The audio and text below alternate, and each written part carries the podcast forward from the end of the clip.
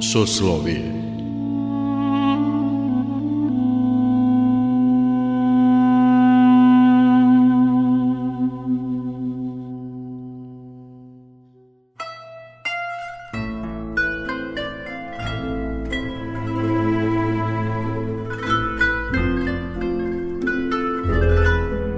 Slušate Soslovije, religijski nedeljnik Radio Novog Sada.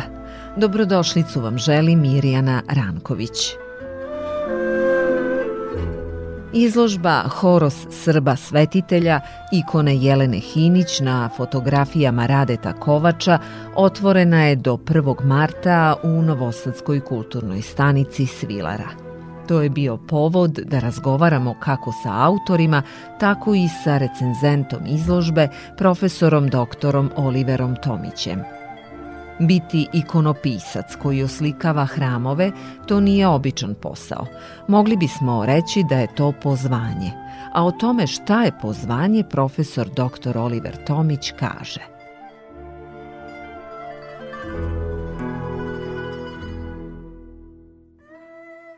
To jeste problem savremene civilizacije. Ljudi doživljavaju ono čime se bave kao posao.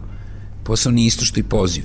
Znači, poziv ili pozvanje je nešto drugo. To je, dakle, suprotno onome što danas važi, da čovjek se pita šta hoće od života, šta u stvari svet očekuje od tebe, to treba da se pitaš i da to otkriješ i kad nađeš taj poziv, onda je to e, stalni tok jedne komunikacije sa, iz izvora tog pozvanja. E sad, religiozan čovjek će naravno to vidjeti u, u, u Božijem glasu na neki način koji ne mora čuti, ali će svoje talente i darove prepoznati kao darove i onda ih e, nastojati umnožiti kroz određenu delatnost za koju je pozvan. E, to je suština. E sad, neko je pozvan da vešto drži uh, četkicu u ruci i da ume da sve pretvori u vizualnu sliku, neko je pozvaniji da bude konsultant za tako nešto, zato što niko sam ne može ništa da uradi. Znači, ne samo što Bog nas je pozvao na tu sabornu delatnost, dakle da sarađujemo jedni s drugima i da na taj način ostvarujemo, a ne samo ličnim naporima, što je takođe još jedna od bolesti modernog vremena. Kad smo kod pozvanja, kada ste vi prepoznali vaše pozvanje? Pa ja ne znam da li sam ga, ja sam to uradio instinktivno, intuitivno, to je sada dosta diskutabilna stvar. Ono je se uglavnom um, odvijelo u vidu negativne selekcije, odnosno odbijanja da se bavim nečime što mi je, gde mi se otvarao nekakav put prepun obećanja, ali sam na neki, da kažemo, intuitivni način ili naglo, možda je, možda instinktivno odbijao. Kao što je recimo, ne znam, bila mogućnost da se bavim glumom, da se bavim pevanjem, čak i to u jednom trenutku došlo u, u obzir. Pa onda likovnu akademiju nisam upisao, bio sam odmah ispod crte, ali više nisam pokušavao. Znači, to bi neko nazvao pa da nisam imao hrabrosti, ali u stvari činilo mi se da su to neki suviše laki i zavodljivi putevi za mene i da u stvari bi mogli da me odvedu u nekom pravcu koji mi se ne dopada. Tako da na kraju sam, eto, se našao na poslu istoričara umetnosti koji mi je omogućio da provodim vreme u lepoti, okružen lepotom, a ne da se, ne da je stvaram neuspešno, recimo. I s druge strane da, da budem tumač i pomoćnik onima koji treba da naš, naše okruženje, bilo da je sakralno ili profano, učine vizuelno lepim.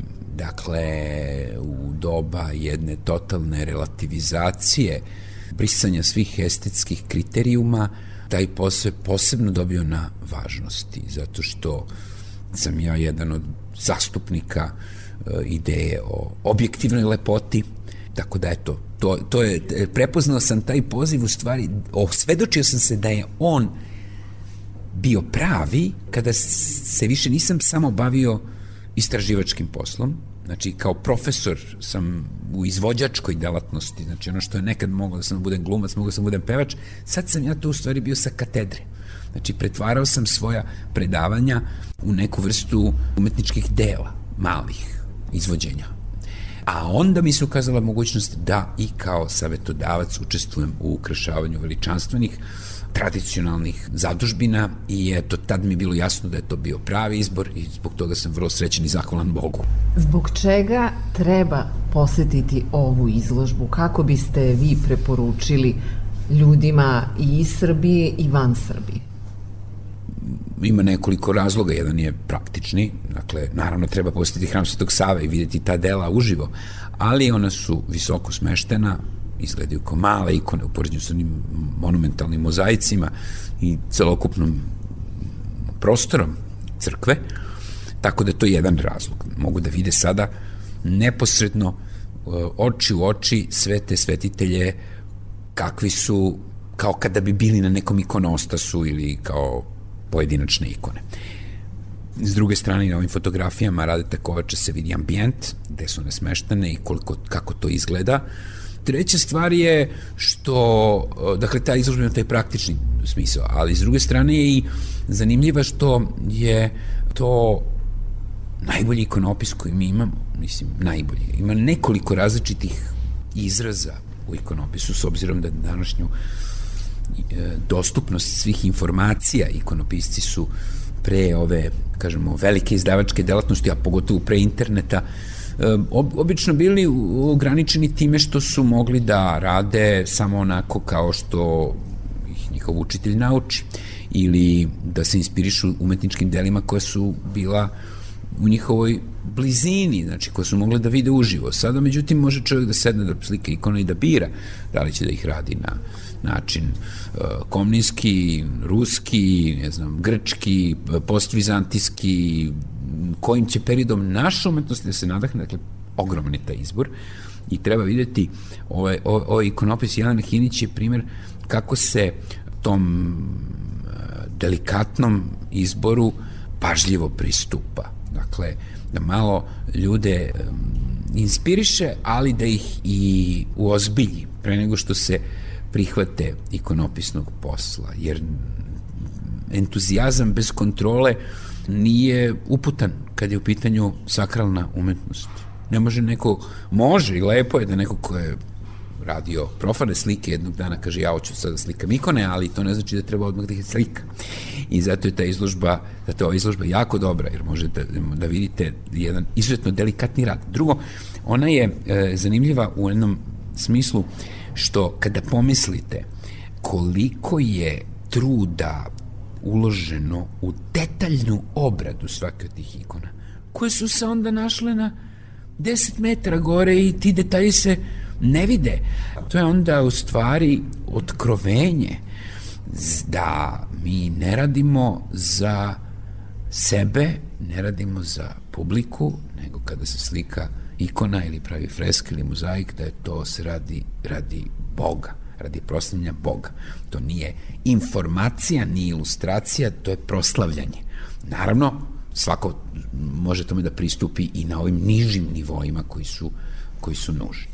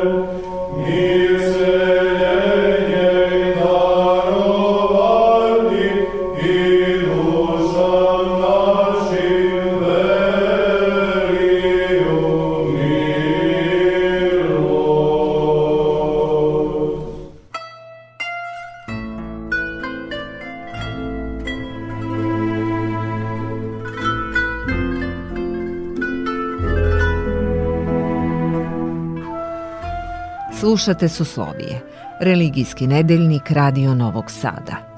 Izložba Horos Srba Svetitelja ikone Jelene Hinić na fotografijama Radeta Kovača otvorena je do 1. marta u Novosadskoj kulturnoj stanici Svilara, a mi smo tim povodom razgovarali sa autorima izložbe.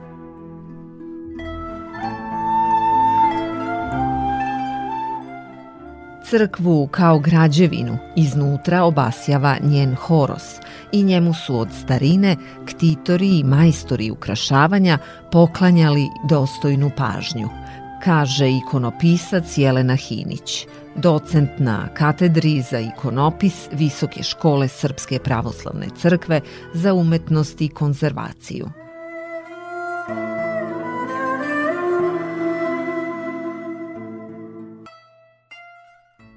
Šta je Horos? Horus je u stvari u, ima višestruko značenje. Znači, kada kažemo Horos hrama Svetog Save, mislimo na polijelej, odnosno mislimo na taj veliki luster. Međutim, Horos kao reč sama može značiti jedan sabor ili jedno kolo. I onda smo mi u stvari prosto razmišljajući baš e, više onako misli na tu reč sabor Srba svetitelja, jer taj Horos u stvari baš u hramu Svetog Save može da se shvati kao jedan svojevrstan sabor Srba svetitelja svetitelja koji bdiju, da kažemo, nad okupljenim narodom koji se našao tu na liturgiji ili sveštenicima koji služe i ostalima. Kada ste vi prepoznali vaše pozvanje? Pa da vam kažem, ja sam nešto stalno se pitam da li je to to, da li sam pogrešila, da li ja to, mislim i dan danas ovaj, da li to što radim je nedovoljno ili je ovaj, onako ima neka molitva kao ako sam nešto manjkavo i nedovoljno dobro uradio, a ti mi Bože oprosti. Tako da ja stalno sam onako u nekom, da kažem, ličnom prispitivanju gde sam, šta sam, da li je to dovoljno dobro i ostalo. A inače, prvu ikonu sam uradila sasvim slučajno posle srednje škole, mislim slučajno, hoću da kažem kako je to bio neverovatan ovaj splet okolnosti, kada je jedan moj drug srednjoškolski, mislim oboje smo se spremali za akademiju i oboje smo pali i onda je on rekao, e ja sam počeo da slikam ikone. To uopšte nije tako teško. E sad ja sam onako već bila u tim nekim duhovnim traganjima i sećam se dobro da sam mu rekla ja, ja verujem u Boga, molim te, možda mi pokažeš, mislim. I on je u stvari došao, pokazuje mi jedan vrlo onako nespretan te, tehnološki ono, postupak, mislim, da kažemo, pionirski i tad sam uradila svoju prvu ikonu, to je bilo 90. godine. Znači, dosta davno. I onda sam onako spremala sam se za akademiju, za razliku od Olivera, ja sam ovaj, nekoliko puta padala, uvijek sam bila nešto prva, druga ispod crte, ali nikako to da se desi. I onda kad se, onda se desilo da se u stvari otvorila Akademija Srpske pravoslavne crkve i ja sam bez neke posebne pripreme, naravno, otišla ovaj, tamo, a već sam radila ikone više onako pa nekad nešto da prodam, čisto onako što se ovaj, tiče, kao da imam kao neki, neki honorar, ali u stvari sa velikim zadovoljstvom. I kada se u stvari ta akademija otvorila, ja sam bila u samom vrhu ljudi koji su ovaj, primljeni i tada sam ozbiljno počela da se bavim ikonopisom. Čim sam akademiju završila, to je bilo 98. Onda sam počela da otvorila sam kao da kažem svoj atelje, iznajmila sam prostor i počela sam samo time da se bavim, malo da držim časove, već sam smatrala sebe da kažem vrlo kompetentno da mogu nekog nešto da naučim. Sećaju se, se ipak ovog mojih početaka koji su stvarno nisu uopšte imali veze sa onim što smo učili na fakultetu i tako je u stvari moj put krenuo. Međutim, na samim studijama sam shvatila da to što ja mogu da naučim je vrlo malo, nedovoljno, da moje interesovanja su u stvari mnogo veća i onda sam paralelno upisala istoriju umetnosti koja mi je potpuno otvorila jednu drugu perspektivu i koja u stvari me je naučila da istražujem ja sam u stvari sa tim znanjem likovnim, jer sam išla u srednju dizajnersku školu i da kažem imala sam ipak neko likovno znanje, obrazovanje, slikala sam tad već da kažem 10 godina, imala sam teorijsku osnovu, znala sam gde da tražim stvari, kako da posmatram i smatram i dalje da je to najvažnije ovaj sad da čovek nauči pre nego što počne da slika, da, da vidi, da sagleda u stvari stvari. I tako sam u stvari počela time da se bavim. Ja nekako nikako nisam e, razmišljala o drugim stvarima. Mene to potpuno ispunilo. Znači, bez obzira na, jer ja sam lutala dok nisam upisala tu školu i iako nisam imala toliko posla, da kažem, nije to bilo finansijski sad isplativo, pa sam se ja radi toga okrenula. Ovaj dugo nije bilo finansijski isplativo, ali mene to strašno ispunjavalo i ja sam u stvari vrlo, vrlo se osjećala dobro slikajući ikone. Mislim, posebno, mislim, jer je to mene opet, da kažem, ocrkovilo na onaj pravi način. U koje meri je bitno da ikonopisac živi duhovnim životom?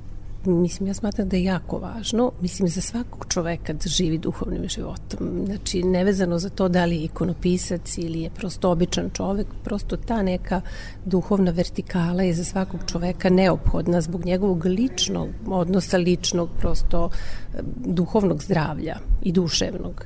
A sa ikonopisca to je isto naravno vrlo važno i poželjno Mada taj duhovni život je uz porodicu vrlo komplikovan, kad vi imate dvoje dece, kad jurite s jednog posla na drugi, kada se bavite tako tim nekim prozaičnim stvarima. I to je na kraju krajeva jedan, jedna vrsta duhovnog života, ali ono što mislim da je isto važno, važno je da vi imate svest o tome šta radite, čime se bavite, za koga radite, znači ne u smislu naručioca, nego ovoga što je baš Oliver malo prepomenuo, proslavljanje Boga, Znači, to je suština proslavljanja svetitelja tog koji je, da kažemo, ajde, naslikan na, na ikoni i ako vi imate svest da, da je nešto za vas svetinja i da se prosto na neki način ipak tome ovako posvetite, mislim da tu nema nekih ovako velikih problema. Mislim, prosto stvari se odvijaju same po sebi. I mislim da je jako važno da naravno ikonopisac bude crkven, da prosto ima tu jednu ovaj, vezu sa, sa crkvom i sa prosto na kraju krava tom duhovnošću koja je neophodna da biste radili uopšte bilo kakvu crkvenu tematiku, sliku, kako god ikonu, fresku, šta god mozaik. Na koji način ste vi birali ko će se naći na tom horosu? Pa to je bilo vrlo kompleksno jedno pitanje i veliki problem zato što u imenoslovu Srba svetitelja njih ima preko 150, a naš zadatak je bio da izaberemo 22, odnosno Postoje 24 ikone na Horosu, ikona Hrista, Bogorodice i 22 ikone svetih Srba. Opredelili smo se, postoje u stvari dve celine. Jedna celina su svetitelji koji su arhijereji, mučenici, koji su u stvari, da kažemo, svoju svetu stekli služeći u oltaru, a s druge strane su svetitelji koji su bili vladari i koji su imali veze sa, opet, da kažemo, vladarskom tom nekom ulogom kada je u pitanju ovaj, srpska crkva, država i ostalo. I pravo da vam kažem, ne znam tačno šta je presudilo, ali uglavnom smo gledali da to budu svetitelji koji su prepoznatljivi svima i jako je veliki problem bio. Njih bi trebalo da bude makar 100 da bi u stvari realno bilo, mada mislim i sto je malo. Razumete? Znači nema tu nekih prosto jako je teško napraviti razliku, bez obzira što je neko možda poznati ili priznati od drugog, znači to samo Bog zna u stvari ko je od koga ovaj bitniji, mislim, ako se uopšte može tako reći. Tako da sve u svemu eto tako se, prosto se tako desilo da bude onako nešto što je prepoznatljivo većini ljudi koji ovaj, to mogu da vide. Vi kao ikonopisac ste, mogla bih reći, i navikli da ono što stvorite odlazi od vas, kao i u ostalom i decu koju rodimo na kraju moramo pustiti da polete sami i da napuste dom. Pretpostavljam da je to bio i razlog zašto ste rešili da fotografišete Horos i uopšte otudi saradnja sa fotografom. Da. Sa Raditom se znam više od 20 godina, kao i sa Oliverom, ali prosto želela sam da jedan tako veliki posao zabeležim, zato što uglavnom kada radim pojedinačne ikone, uvek su to neki kratki rokovi, ja u stvari nikad nemam vremena da, da to fotografišem u dobrim uslovima, kakvi su recimo jedan studio. I problem je u stvari zbog toga što ja nemam i uopšte fotografije ikona koje sam uradila, imam jako mali broj fotografija u odnosu na broj ikona koje sam uradila u zadnjih recimo, ajde samo da uzem 20 godina. Ovo je bila prilika da, pošto sam imala, da kažemo, sve ikone kod sebe, da ih odnesem kod Radeta i onda je on to fotografisao i tu je u stvari velika sreća da sam ja, da ja sad imam prosto fotografije tih ikona koje mogu da reprodukujem, koje mogu da vidim, koje mogu da mi posluže, da vidim šta je trebalo promeniti, šta je trebalo, šta bi možda sledeći put trebalo raditi bolje, koji su nedostaci. Znači i to je ono što je bitno, ne sad da se samo zabeleži, nego prosto da vi vidite svoje propuste. Odrastali ste, rođeni ste u Titovoj Jugoslaviji. Otkud interesovanje za pravoslavlje? Pa ne znam, ja sam odrasla sa bakom koja je bila ovi pobožna žena i odrasla sam na narodnim pesmama i bajkama i to je nekako toliko spontano.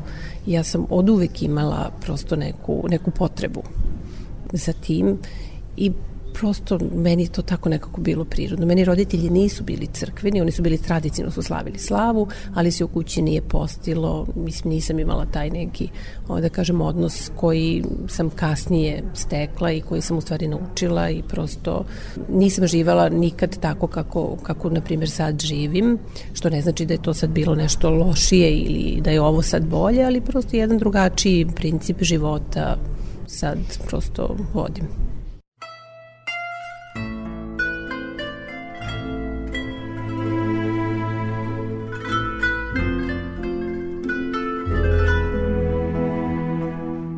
Fotograf Rade Kovač, koautor izložbe Horo Srba Svetitelja, dobar je poznavalac rada i dela Jelene Hinić.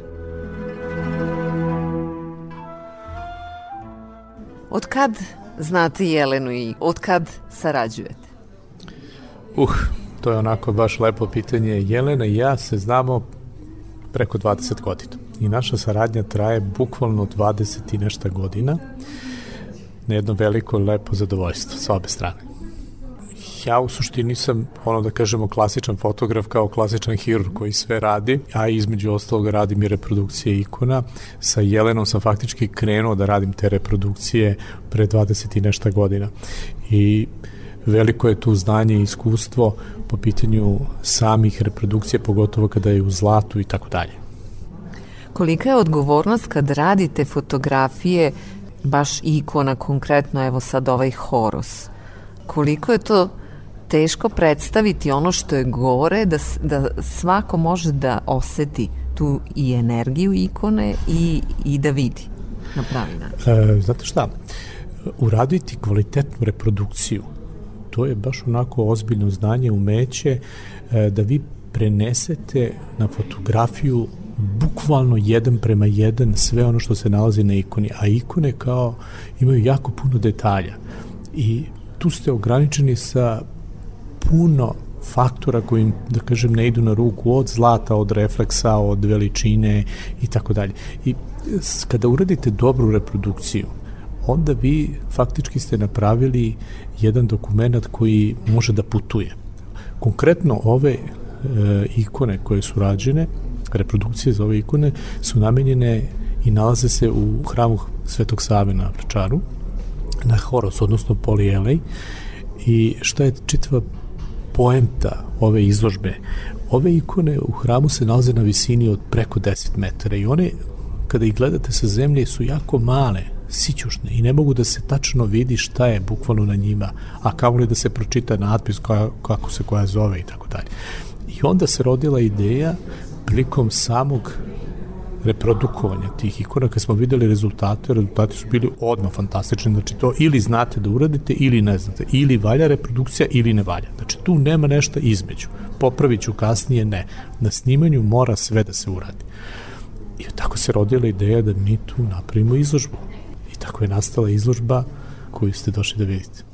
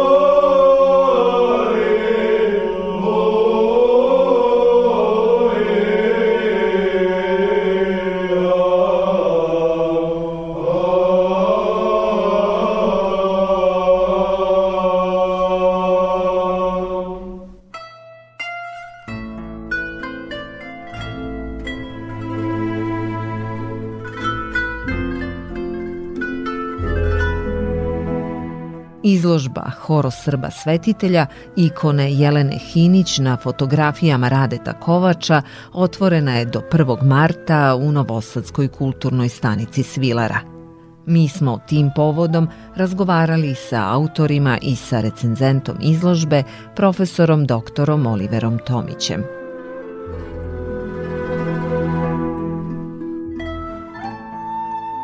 Soslovije realizovali – ton majstor Jovan Gajić, urednik i autor Mirjana Ranković. Emisiju nakon emitovanja možete da slušate i odloženo na našem sajtu na media.rtv.rs